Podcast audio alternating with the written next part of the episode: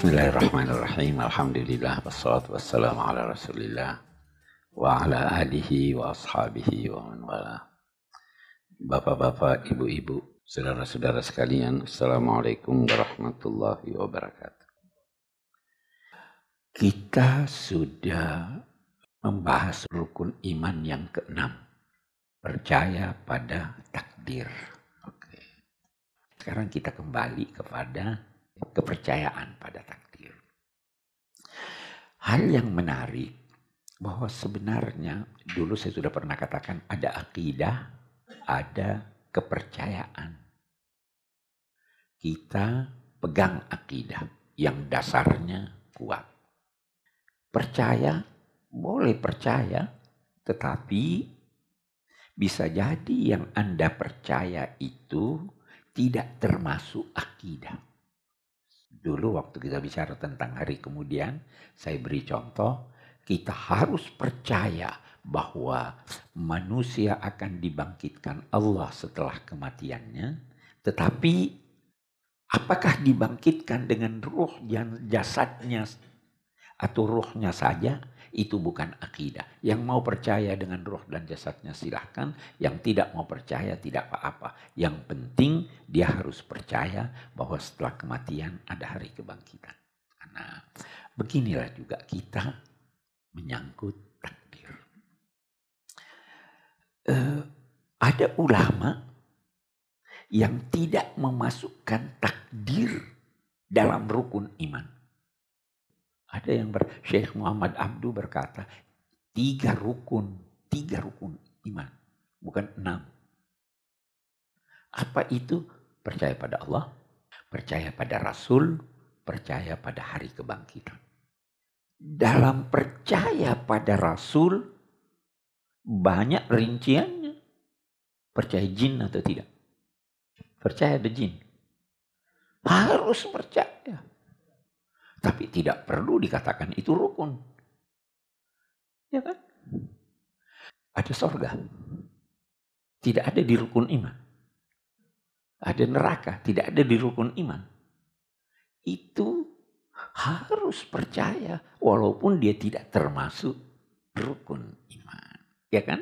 Nah, ulama-ulama ahlus sunnah memilih suatu hadis yang kemudian mereka namakan rukun iman.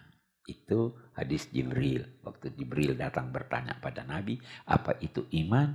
Nabi menjawab, tu'mina billah wa malaikatihi wa kutubihi wa rusulihi wal yaumil akhir wa qadarihi khairihi wa syarrih. Itu hadis. Ada hadis lain yang berkata percaya pada hari kemudian dan mandi wajib. Jadi beda-beda. Semua berkata wajib. Mandi wajib itu. Ya kan? Tetapi masuk rukun atau tidak? Tidak ada yang berkata masuk rukun. Jadi beda-beda itu. Nah, kita sekarang mau bahas dalam ilmu tauhid ada yang dinamai qadha, ada yang dinamai qadar percaya pada qadha dan qadar. Nah, kita lihat.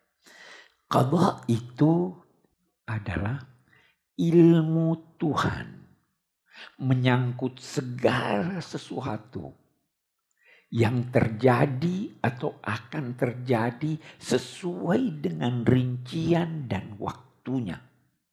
Allah tahu semuanya itu. Tetapi ilmu Allah itu beda dengan ilmu manusia. Beda dengan pengetahuan kita banyak bedanya. Saya beri contoh. Ilmu Allah itu perbedaannya yang pertama pada objeknya. Manusia objek ilmunya terbatas. Allah ala kulli syai segala sesuatu dia ketahui. Yang kedua, ilmu Allah itu jelas. Ilmu manusia itu remang-remang. Nah, yang ketiga, ilmu Allah itu kekal. Ilmu manusia itu hari ini saya tahu, besok saya lupa. Ya kan? Hari ini uh, uh, saya tidak tahu, tiba-tiba saya tahu itu ilmu manusia. Karena itu dalam ilmu manusia ada kebetulan. Ilmu Allah tidak ada kebetulan. Karena dia sudah tahu semuanya. Ilmu Allah itu mendahului apa yang diketahuinya. Wujud dari yang diketahuinya. Manusia baru tahu kalau wujudnya ada. Itu Imam Ghazali kasih contoh yang menciptakan catur itu, yang menciptakan permainan catur, itu dia sudah tahu bahwa gajah geraknya harus begini. Benteng geraknya harus begini. Dia sudah tahu sebelum dia sebar luaskan ilmu itu. Ya. Dia bilang Allah begitu. Dia sudah tahu ini begini nanti, ini begini sebelum yang terpenting, yang ini biasa orang keliru. Ilmu itu bisa diibaratkan dengan senter gelap. Saya senter. Ini ada gelas berisi air. Oke?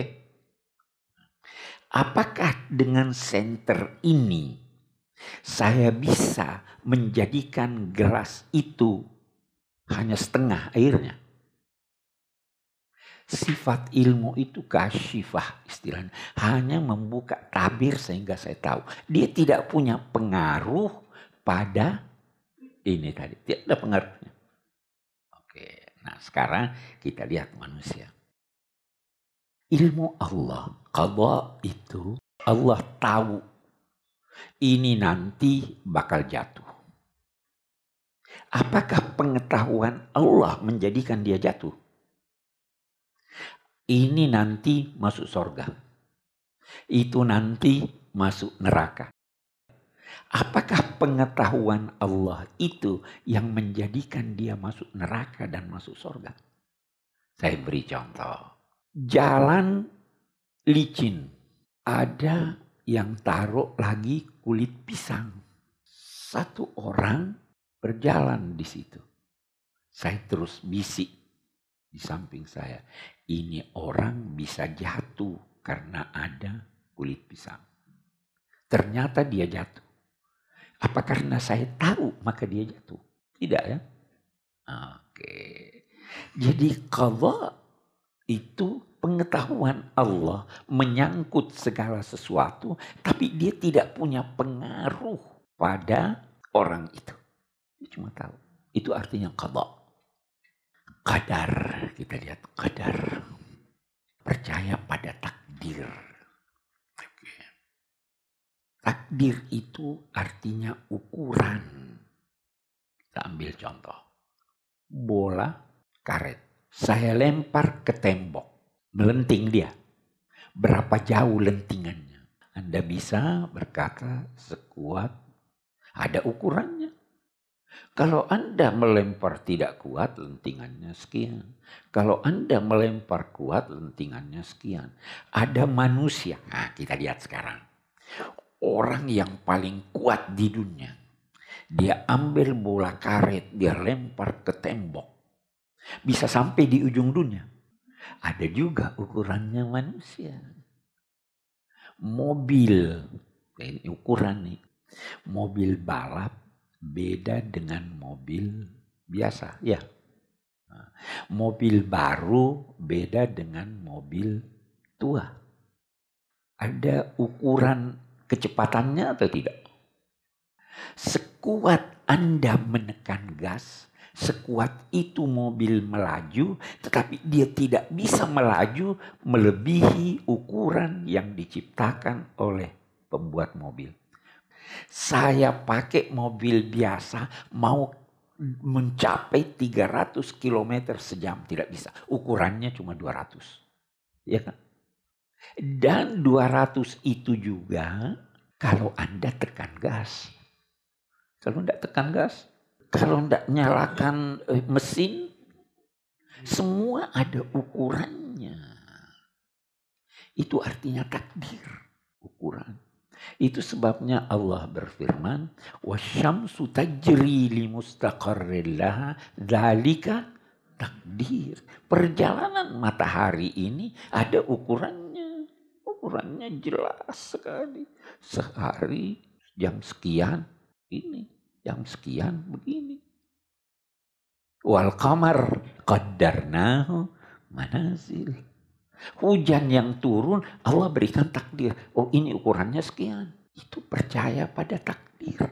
Dalam arti Allah mengatur segala sesuatu dengan ukuran-ukurannya. Tetapi Anda tidak tahu persis segala takdir Tuhan. Berapa rezeki Anda? Anda tahu atau tidak? Kerjalah sekuat kemampuan Anda. Kalau Anda tidak kerja, tidak dapat. Kerja sekuat kemampuan Anda. Dan kalau Anda sudah maksimal, sudah mentok, udah. Ada takdir baik, ada takdir buruk. Jadi takdir itu bukan hanya pada yang buruk. Ada orang berkata, lahir, kawin, jodoh ya, mati, takdir Tuhan. Itu betul. Tapi bukan cuma itu dong. Anda duduk di sini takdir Tuhan. Anda dengar ini takdir Tuhan. Semua diukur. Bagaimana Tuhan? Kalau Anda ingin dari rumah kemari dan Anda keluar rumah jam sekian, ada ukurannya, Anda sampai di sini jam sekian. Itu takdir Tuhan. Jadi Kepercayaan kepada takdir itu sebenarnya kepercayaan pada pengaturan sistem yang ditetapkan Allah. Segalanya ada sistemnya, ada ukurannya. Siapa yang bilang cuma eh, kelahiran takdir Tuhan? Sekarang bisa ndak orang atur hari apa dia lahir? Bisa. Bisa kan? Udah disesar dia. Udah jangan dulu hari ini dok, ini masih itu. Eh, coba lihat. Bisa enggak di, ano, oh saya enggak mau gadis itu, saya mau gadis ini. Bisa Anda usahakan, tapi Anda punya takdir. Jadi jangan eh, segalanya uh, kalau tidak menyenangkan terus takdir. Segalanya ada takdirnya, tapi Anda bebas memilih takdir-takdir Tuhan itu. Itu artinya percaya pada takdir. Itu artinya qada dan qadar. Qadar itu ukuran-ukuran yang ditetapkan Tuhan yang sesuai dengan ilmunya.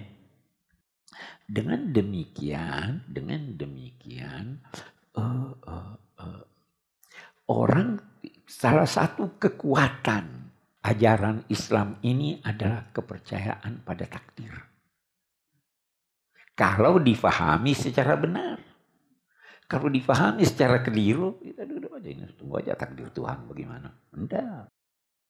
Anda berusaha, setelah selesai usaha Anda, dan terjadi apa yang terjadi sesuai dengan sistem itu, kalau tidak menyenangkan Anda, Anda tidak akan menyesal. Ini sudah takdirnya Allah begini.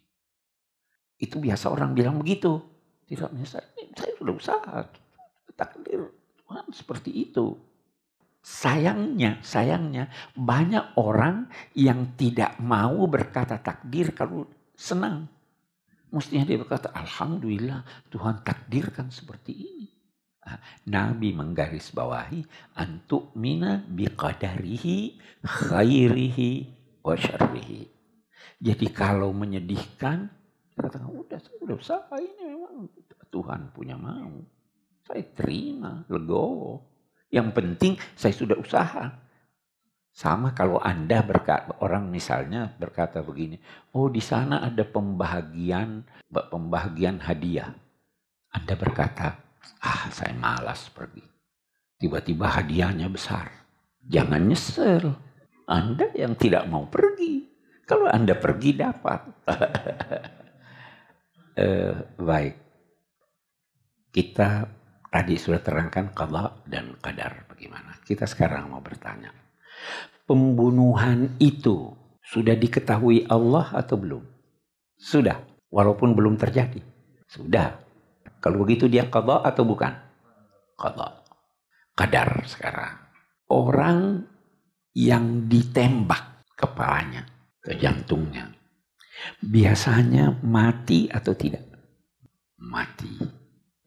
Itu adalah suatu sistem yang ditetapkan Allah atau tidak? Sistem. Oke. Itu kadar. Nah, saya tambahkan, tadi saya belum terangkan.